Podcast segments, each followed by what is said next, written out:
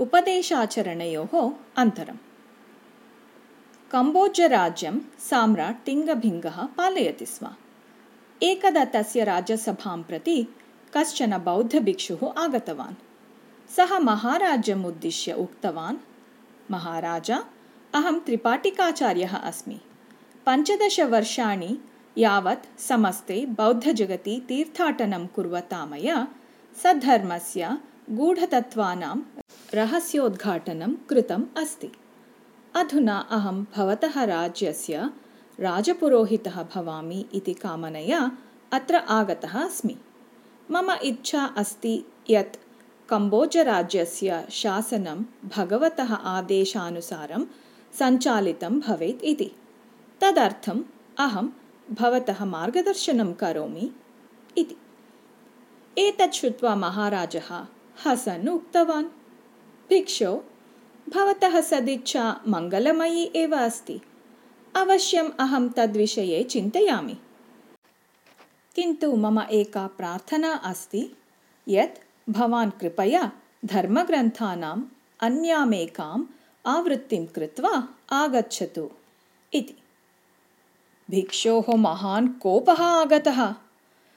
किन्तु पुरतः साक्षात् महाराजः एव अस्ति इति कारणात् सः स्वकोपं न प्रकटितवान्। चिन्तितवान् च। यदि धर्मग्रन्थानां सकृत् आवर्तनेन राजपुरोहितपदं लभ्येत तर्हि कुतः तत् न कुर्याम्? अन्यच्च हृष्टे महाराजे तत्पदं कदापि न लभ्येत इति। अतः सः ततः निर्गत्य पुनः अध्ययनस्य आरम्भं कृतवान्। गभीरतया अध्ययनं कृतवान् च।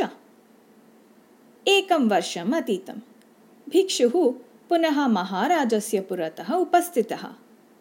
अधुना महाराजः तम् उक्तवान् भगवन् भवान् एकान्तवासम् अनुभवन् पुनरपि एकवारं धर्मग्रन्थानां पारायणं करोति चेत् उत्तमं भवेत्। इति। तत् श्रुतवतः भिक्षोः कोपस्य सीमा एव नासीत् किन्तु अधुनापि सः महाराजं किमपि वक्तुम् अशक्तः। अपमानेन पीडितः सन् एव एकान्तवासाय नदीतीरं गतवान्। नागरिकप्रपञ्चस्य समग्रकोलाहलतः दूरे नदीतीरे प्रार्थनाकरणेन तेन महान् आनन्दः प्राप्तः। अनन्तरं तु सः तत्रैव एकाग्रचित्ततया भगवतः प्रार्थनायां लीनः जातः। एकवर्षानन्तरं साम्राट् तिङ्गभिङ्गः स्वयम् एव प्रजाभिः सह तत् नदीतीरम् आगतवान्। सः भिक्षुं प्रणम्य प्रार्थितवान्।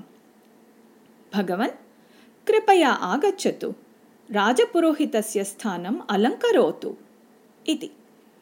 परन्तु अधुना भिक्षोः मनसः राजपुरोहितस्थानस्य कामना सम्पूर्णतया अपगता आसीत्। अहङ्कारस्य स्थानम् आत्मज्ञानस्य आनन्देन पूरितम् आसीत्। सः मन्दहासं प्रकटयन् उक्तवान् राजन् सद्धर्मः न उपदेशाय अपि तु आचरणाय भवति।